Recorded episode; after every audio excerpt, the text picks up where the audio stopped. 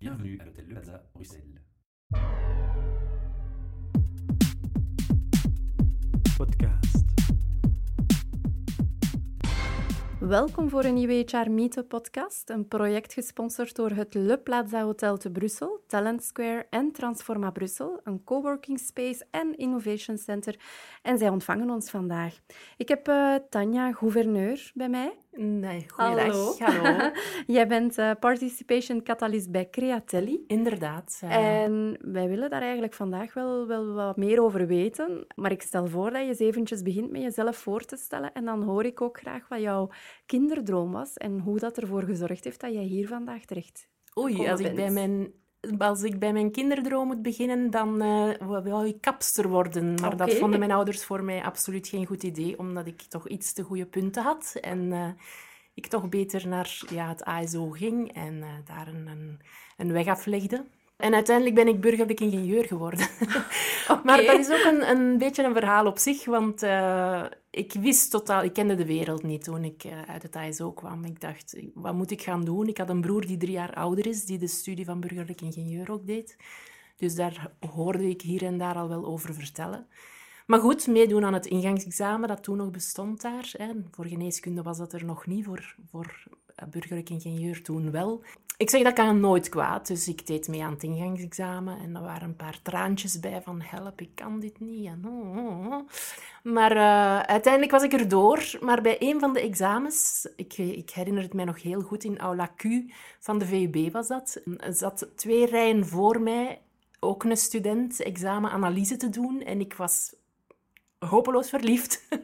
en uiteindelijk was ik door het ingangsexamen door. En... Uh, ja, bij de proclamatie, hij, ik, ik hoorde, hij was er ook door. En dacht ik van, ja, dan ga ik voor die richting. Ik wil die man.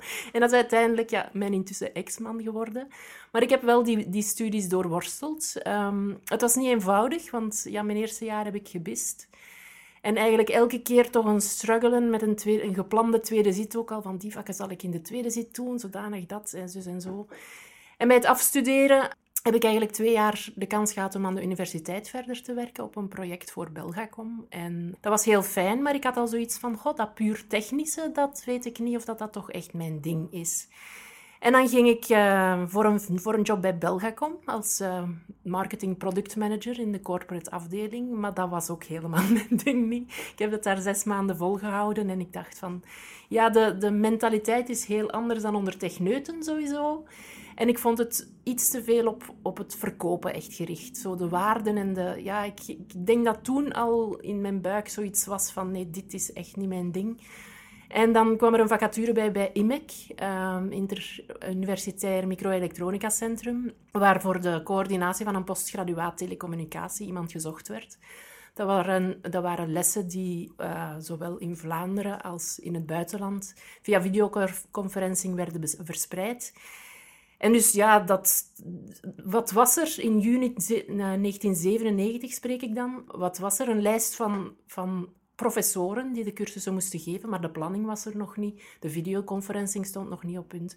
Dus dat helemaal op poten gezet, dat is heel snel gegaan, want in september zijn we dan gestart. Dat was heel succesvol. En daar ben ik... Ik was dan zwanger van mijn tweede kindje. En daar ben ik na de bevalling compleet door het lint gegaan. Um, ik ben zwaar ziek geworden. En eigenlijk op het, op het werk...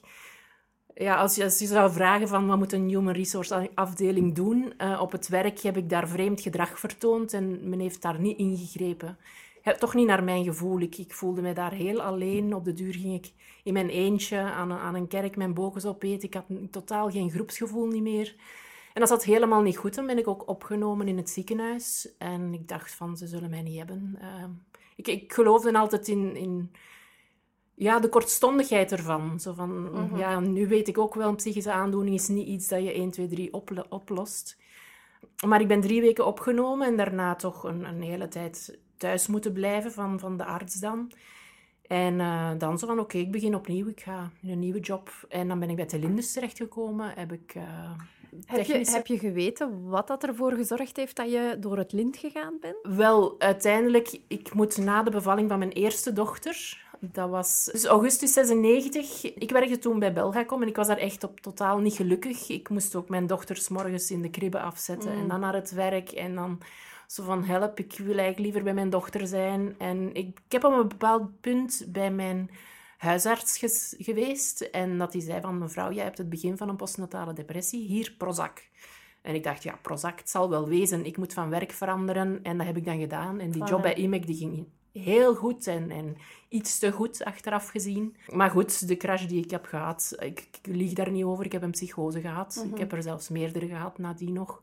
Maar er is ook een genetische aanleg, sowieso. Dus uh, nu, nu denk ik ook aan mijn kinderen. Zo van, hopelijk wordt het hen bespaard. Maar goed, dat zal ik niet mhm. weten. Uh, ik wil er wel zijn om de signalen snel uh, op te sporen. Dus een combinatie van factoren eigenlijk. En, um, maar altijd, eigenlijk mijn loopbaan is er een van ziek worden, maar terug hervatten. Ziek worden, terug hervatten. In iets nieuws. En, en terug volle moed er, mhm. er tegenaan gaan. Tot ik in 2008 werkte ik nog voor ja, iets helemaal anders binnen het sociaal-cultureel volwassenenwerk. Was ik uh, coördinator van twee VZW's, twee federaties eigenlijk van vormingsinstellingen voor personen met een handicap. En wat was mijn taak daar? Vooral het beleidsmatige. Dus die, die vormingsinstellingen moesten binnen een federatie en moesten een gemeenschappelijke visie hebben, een gemeenschappelijke doel en, en, en, en een, eigen weg wandelen. Maar ik raakte daar zo uh, na twee jaar zo van, oh ja, ik heb het nu wel gehad. Ik ken het nu wel, ik heb het in de vingers. Mm, het kriebelde om iets nieuws. En toen kreeg ik een telefoontje van een headhuntingkantoor. Dat ze bij Agoria, een vroegere werkgever van mij, iemand zochten. En dan ben ik dat proces ingegaan en heb ik uiteindelijk een contract bij Siris gekregen. Nu, dat was puur om, omwille van de financiën. Dus ik, ik was op de normenantenne, zo noemde dat, te werk gesteld. En uh, dat waren subsidies die bij Siris binnenkwamen. Dus heb ik, uh, heb ik daar, had ik daar een contract. Maar eigenlijk zaten, mensen zaten samen met Agoria. Maar dat was een worsteling, want dat was een 40 week. Ik was toen ook net gescheiden. En in mijn kindjes, mijn oudste, die ging net naar het eerste middelbaar en die had toch behoorlijk wat problemen om zich aan te passen op, uh, op het ASO. En uh, dat was dus s'avonds rond zeven uur, half acht thuiskomen, mij naast mijn dochter zetten en nog samen huiswerk. En ja, dat was lopend. En, ja, geregeld een dag dan uitgevallen en ik voelde me daar niet goed bij. En ik ging dan op zoek naar... Ja, ik, ik had gehoord, want ondertussen had ik ook bij de Koning Boudewijn Stichting op vrijwillige basis een project mee... Ja, gecoördineerd, ja, deed ik de coördinatie daarvan. Ik heb het uiteindelijk op, op mezelf genomen. Het was wel in samenwerking met Logistiek Flabo, dat is een overlegplatform geestelijke gezondheidszorg mm in Vlaams-Brabant. Een project rond geestelijke gezondheid en werk. Zo van wat werkt nu en wat werkt niet voor een reïntegratie op de werkvloer.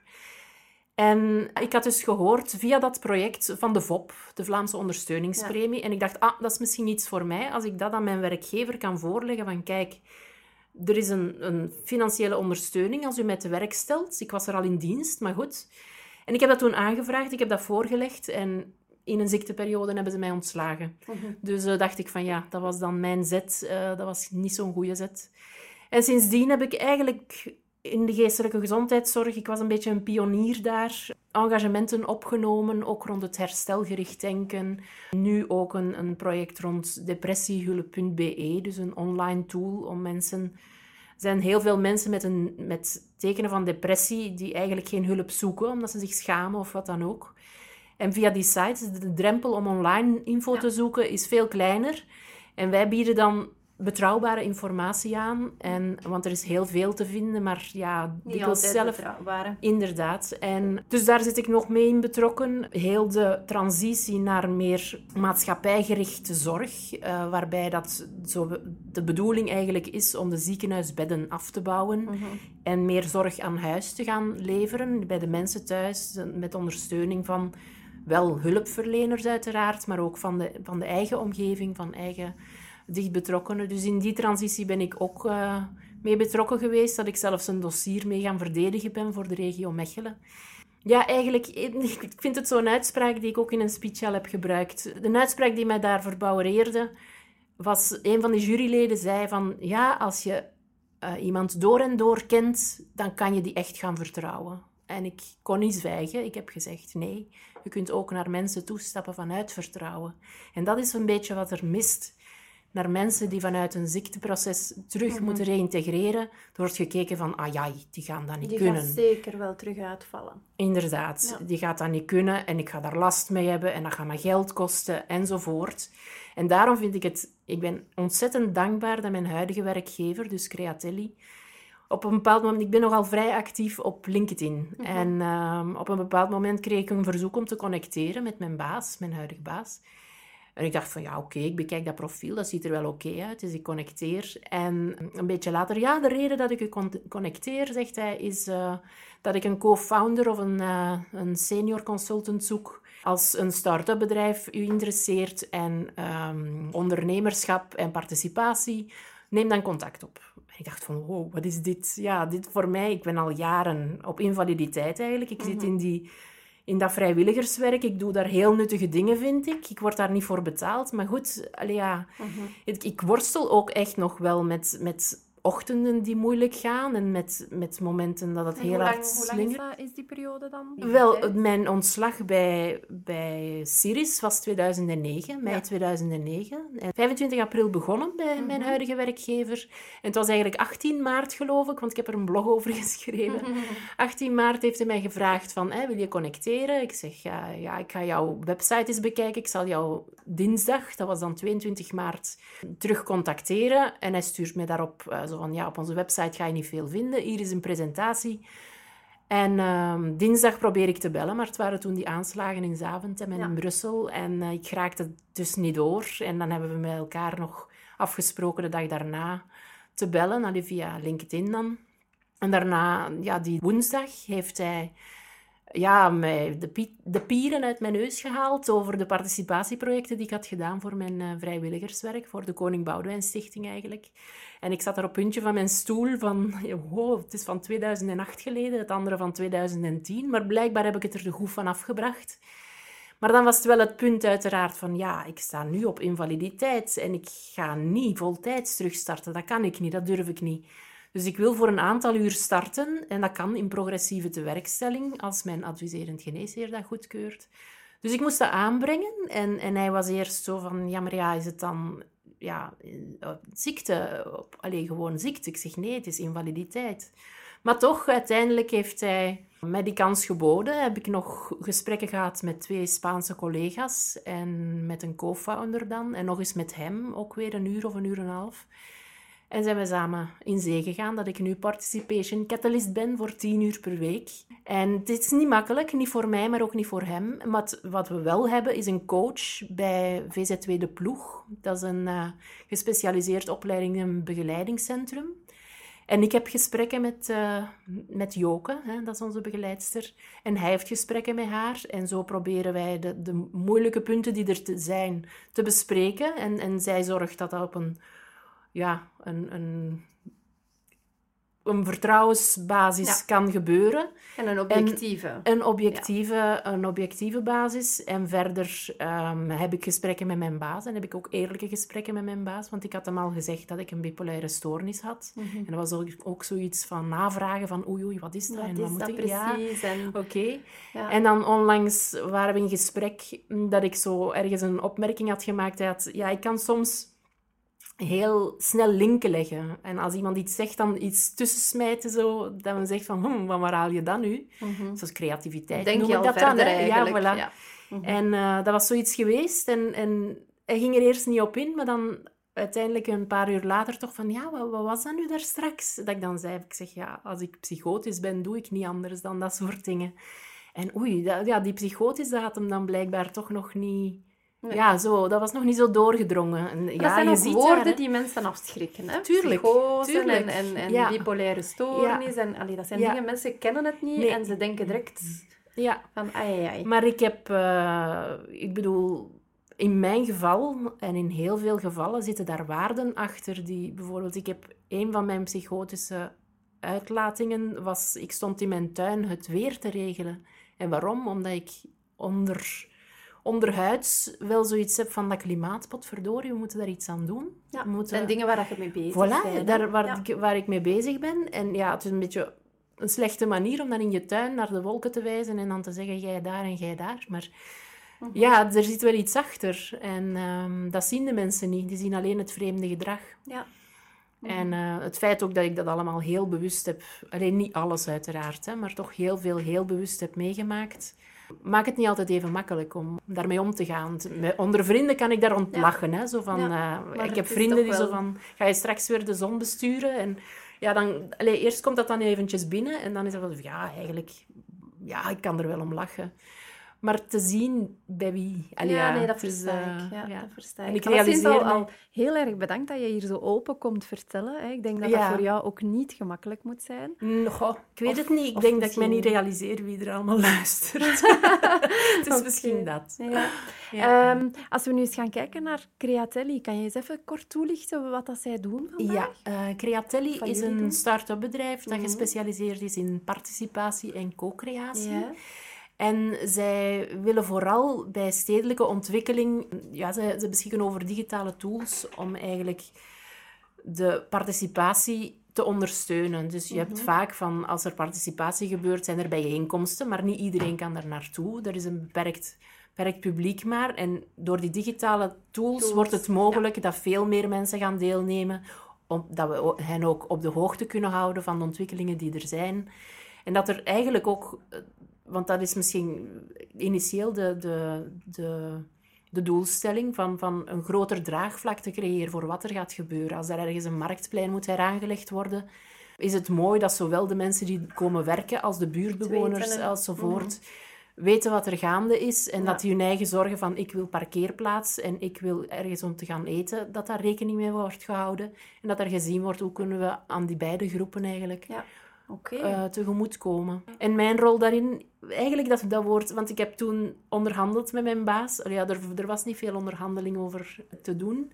Rond het woord catalyst. Eh, mhm. er zijn collega's die al zich catalyst noemen. En eigenlijk probeer ik zo in het leven te staan. Ook naar mijn kinderen toe. Zo van, ik maak mezelf overbodig. Zo van, ik ben er wel. En als je mij iets vraagt, zal ik er zijn voor u. Maar ik probeer mezelf zoveel mogelijk overbodig te maken. En uh, het woordje participation catalyst is ook zoiets zo van, eh, ook met die digitale tools. We proberen om het, uiteindelijk het, het hele participatieverhaal, wat vrij duur is als je dus fysieke meetings gaat organiseren en die data met papiertjes en zo moet allemaal zitten verwerken, proberen wij een oplossing aan te bieden die de kost drukt en die toch mhm. nog een, een grotere meerwaarde kan bieden. Dus um, ja, ik heb al van alles gedaan. Want het is, ik had nog nooit in een start-up gewerkt. Dat was dan nieuw voor mij. Maar dat gaat heel snel. Ik denk dat het ook geen evidente keuze is om vanuit een invaliditeit in te stappen. Het gaat heel snel en het stopt ook niet. En ja, het is echt al behoorlijk moeilijk geweest. En nog mhm. Maar ik geloof er echt in en ik wil dit, ik wil dit verhaal laten werken. Vertrouwen. En, uh, voilà, vertrouwen, dat het in orde ja, komt. dat is waar. Ja, ik trouwens rond vertrouwen. Ik, uh, ik schrijf ook graag en er is zo'n site waarop ik publiceer onder de nickname fiducia. En dat is het Italiaans voor vertrouwen. En dat is eigenlijk echt wel het woord. Het is fijn dat je dat aanhaalt. Kan je dat eens spellen? F-I-D-U-C-I-A. Oké. Fiducia. Ja, ik spreek het zo kunnen we dat dan vinden? Op... of mogen we? Oei, ja. Dat is webtails.org. Ah, de meest mhm. innovatieve schrijversite mm van Nederland en Vlaanderen. Een hele fijne site. Mm En daar heb je zo... Ja, dat is zo een, eigen community ook een beetje. Hè. Dan, ja. Is dat die blog waar je het over nee, had? Nee, die blog is nog iets anders. anders. Die blog is woordwaardeblog.wordpress.com.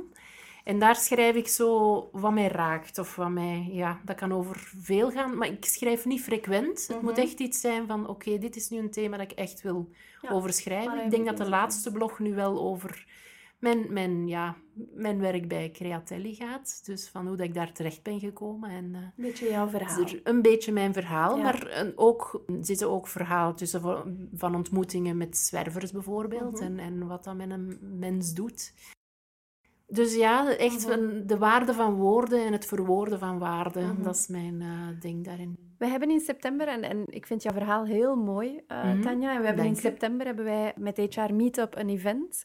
En we gaan het daar hebben over de herintegratie na een langdurige ziekte. Dus ik denk, ik denk dat jij daar... Uh, Dat jij heel goed geplaatst bent om daarover te spreken. Ik heb daar misschien nog een paar vragen rond. Oké, prima. Um, op welk moment vind jij dat een herintegratie na ziekte, laten we die langdurig eventjes aan de kant houden, op welk moment vind jij dat dat noodzakelijk is? Vanaf welke periode? Vind wel, je... ik, ik vind sowieso lang om zes maanden uit te zijn. Mhm. En ik, ik heb in de speech die ik onlangs op het Centrum Geestelijke Gezondheidszorg, de Pont in Mechelen, gegeven heb, gezegd van er zit talent in een patiënt, laat het niet ondersneeuwen. En evengoed, dat hoeft niet meteen een, een betaald werk te zijn, maar iets als vrijwilliger kunnen opnemen. Iets dat je echt je hart bij ligt, dingen die je mhm. graag doet, die maken dat je talenten al tot uiting komen. Zonder dat dat dan eventueel al vergoed wordt. Uh, Maar dat, dat geeft je een enorm groot zelfwaardegevoel. En onder mensen komen is ook heel belangrijk. En kan dat zomaar? Kan, kan het Wel, zomaar dat je dus in, in een langdurig ziekteverlof bent eigenlijk? En dat je dan een activiteit gaat opnemen? Wel, de mutualiteiten zijn daar tegenwoordig heel veel in versoepeld. Vroeger mhm. was dat veel moeilijker, maar nu is zelfs voor een aanvragen van een vrijwillig engagement moet je gewoon de aanvraag doen en mag je de dag daarna beginnen. Mhm. Terwijl dat voor een betaald werk, dat je ja, eigenlijk zelfs ook. Van, voor een progressieve tewerkstelling is het een, uw dossier indienen, dus met uw contracten, met wat, wat uw uren en dagen en zo zullen zijn indienen. Met, met een, dan krijg je een stempel en vanaf de, werkdag daarna mag je in principe starten. En dan heeft de mutualiteit 30 dagen de tijd om uh, dat al dan niet goed te keuren. Als zij zeggen nee, je mag niet meer, dan moet je stoppen. Maar zeggen zij... Allee, sowieso ben je die, die periode die je al gewerkt hebt, is niet, is niet, allee, is niet verloren. Nee. En op het moment dat je zou zeggen van oké, ik ga nu eventjes vrijwillig werken om eens te kijken van oké, kan ik het mhm. aandoen? Doe, kan ik daar iets uithalen? Kan ik daar energie uithalen? Na verloop van tijd heb je het gevoel van oké, ik kan terug naar mijn bedrijf. Mhm. Wat zou dan volgens jou moeten voorzien worden uh, om die herintegratie gemakkelijk te maken? Wel, voor mijn geval, ik denk, ik denk een belangrijke is die coaching, die, die onafhankelijke en coaching. hoe zie je dat dan? Dus een coaching op welk vlak? Zowel de werkgever als de werknemer die hun verhaal even kunnen doen van hoe het mm. verloopt op het werk, uh, wat goed loopt. Een gesprek, ja. Mhm. En die coach die kan dan dikwijls met de ene of de andere bemiddelen van kunnen we dat nu doen of kunnen we dat nu, dingen bijsturen. Mhm. Wat mijn coach bijvoorbeeld nu gevraagd heeft, is van stuur eens je contract door en stuur je takenlijst eens door om te zien van wat moet jij allemaal doen. Mhm. En... Uh, is dat inderdaad behapbaar op tien uur? Dus, dus gewoon een beetje objectief kijken van, van ja, is dit haalbaar of is dit niet haalbaar? Mm kan ook zijn dat er aanpassingen moeten gebeuren op de werkvloer. Naar gelang, ja, als dat een rugletsel of wat dan ook is, dan zal het misschien een andere stoel of, of zo moeten zijn. Ik zag onlangs een filmpje, dat, nee, dat was een foto, ook op LinkedIn, van een man die blijkbaar een kraan bestuurde en die nu in een rolstoel zat. En er was de, de oplossing geboden van dat stuk waar, waar ja, die machinist eigenlijk zit, dat was dan via een hendel zo tot op de grond te brengen, dus die man kon instappen. Dat zijn zo van die aanpassingen. Ja, de werkgever denkt daar misschien niet meteen aan, maar... Of staat er misschien niet altijd open voor? Dat kan ook, mhm. dat kan ook. Maar ik denk zo'n onafhankelijke derde is wel belangrijk. En verder is, oh, maar dat is, ja, vertrouwen en een open cultuur op de werkvloer heel... Mhm. Ik heb in cultuur, ik ga geen namen noemen van bedrijven, maar ik heb in, in culturen van angst gewerkt en dat is echt nefast uh, voor de feestvreugde, mm zeg maar. Ja, ja, nee, dat dus, ik. Um, ja. ik ben heel prikkelgevoelig en uh, ik merk nu ook het bedrijfje eh, waar ik nu werk, Createlli. We zitten in een in zo'n gebouw in de Winkelaak in, in uh, Antwerpen. Het zijn allemaal boksen die zo met een... een met, ja, de muren moet je verschuiven om dan mhm. hè, de, mhm. de, de, ruimte af te sluiten. Maar er is heel veel lawaai. Je hoort de andere mensen die dan zitten te lunchen in de gang en zo. En voor mij is dat moeilijk. Maar nu kan ik ook heel veel van thuis werken. Dus ook daar uh, die opties bieden. Die mensen vertrouwen echt. Mm uh, dat doet zoveel. En ik heb ook een, een volledig variabel uurrooster. Dus als het mij s morgens niet lukt, dan mag ik s namiddags werken. Ik bedoel, als mijn werk gedaan is, is mijn werk gedaan. En mhm. dus, uh, dat is mooi eigenlijk, dat je op die manier ja, terug kan ja. gereïntegreerd worden in, in, in de arbeid, op de arbeidsmarkt. Hè? Ja. Wat, wat brengt de toekomst voor jou, Tanja, denk je? Goh, dat is een moeilijke, want ik heb er al over nagedacht. Zo, wat is nu mijn spoor? Want ik heb, ik heb het verhaal bij Createlli, en dat is tien uur per week. Daarnaast doe ik ook nog ik kom niet aan tien uur, maar ik doe nog altijd vrijwilligerswerk. En ook daar kriebelt het, omdat ik binnen heel de geestelijke gezondheidszorg, dat is voor mij, ik schud dat uit mijn mouw. Allee, dat is echt gaat van, vanzelf. dat gaat vanzelf. En ik ga naar een vergadering, ik doe mijn ding, ik ga naar huis en het is gedaan. En ja, soms denk ik van, dat wil ik ook niet helemaal kwijt. Dus voorlopig weet ik het nog niet helemaal, maar Ja. ik vertrouw. hè. Staat Dus, eh, open. Voilà, het is dat. Oké. Ja. Tanja, hey, nog eens heel erg bedankt om jouw parcours hier toe te lichten en de moeilijkheden die je en de mooie opportuniteiten die je bent tegengekomen de afgelopen jaren. Ik denk dat we elkaar terug gaan zien op het HR Meetup eh, event. Ik denk dat je daar een, toch wel wat dingen aan toe te voegen hebt, die mm, allee, een toegevoegde waarde voor hebt, denk ik echt wel. En voor de luisteraars, ja, dus op 12 september hebben wij ons HR Meetup event en we gaan het hebben over het herintegreren van mensen na een langdurige ziekteperiode. Hebben jullie zin om daaraan deel te nemen? Ga dan gerust eens een kijkje nemen op onze website en je kan je nog inschrijven voor dit event op 12 september. Heb je eh, dit interview gehoord en heb je zelf eh, zin om eens aan de micro te komen en te vertellen over waar dat je mee bezig bent, wat jouw passie is en gerelateerd aan HR of niet, dan stel ik voor dat je ook eens gaat kijken op de website hrmeetup.org en dat je je daar ook kan inschrijven voor onze volgende opnames. Dankjewel, Tanja. Dank Tot binnenkort. Dag. Podcast.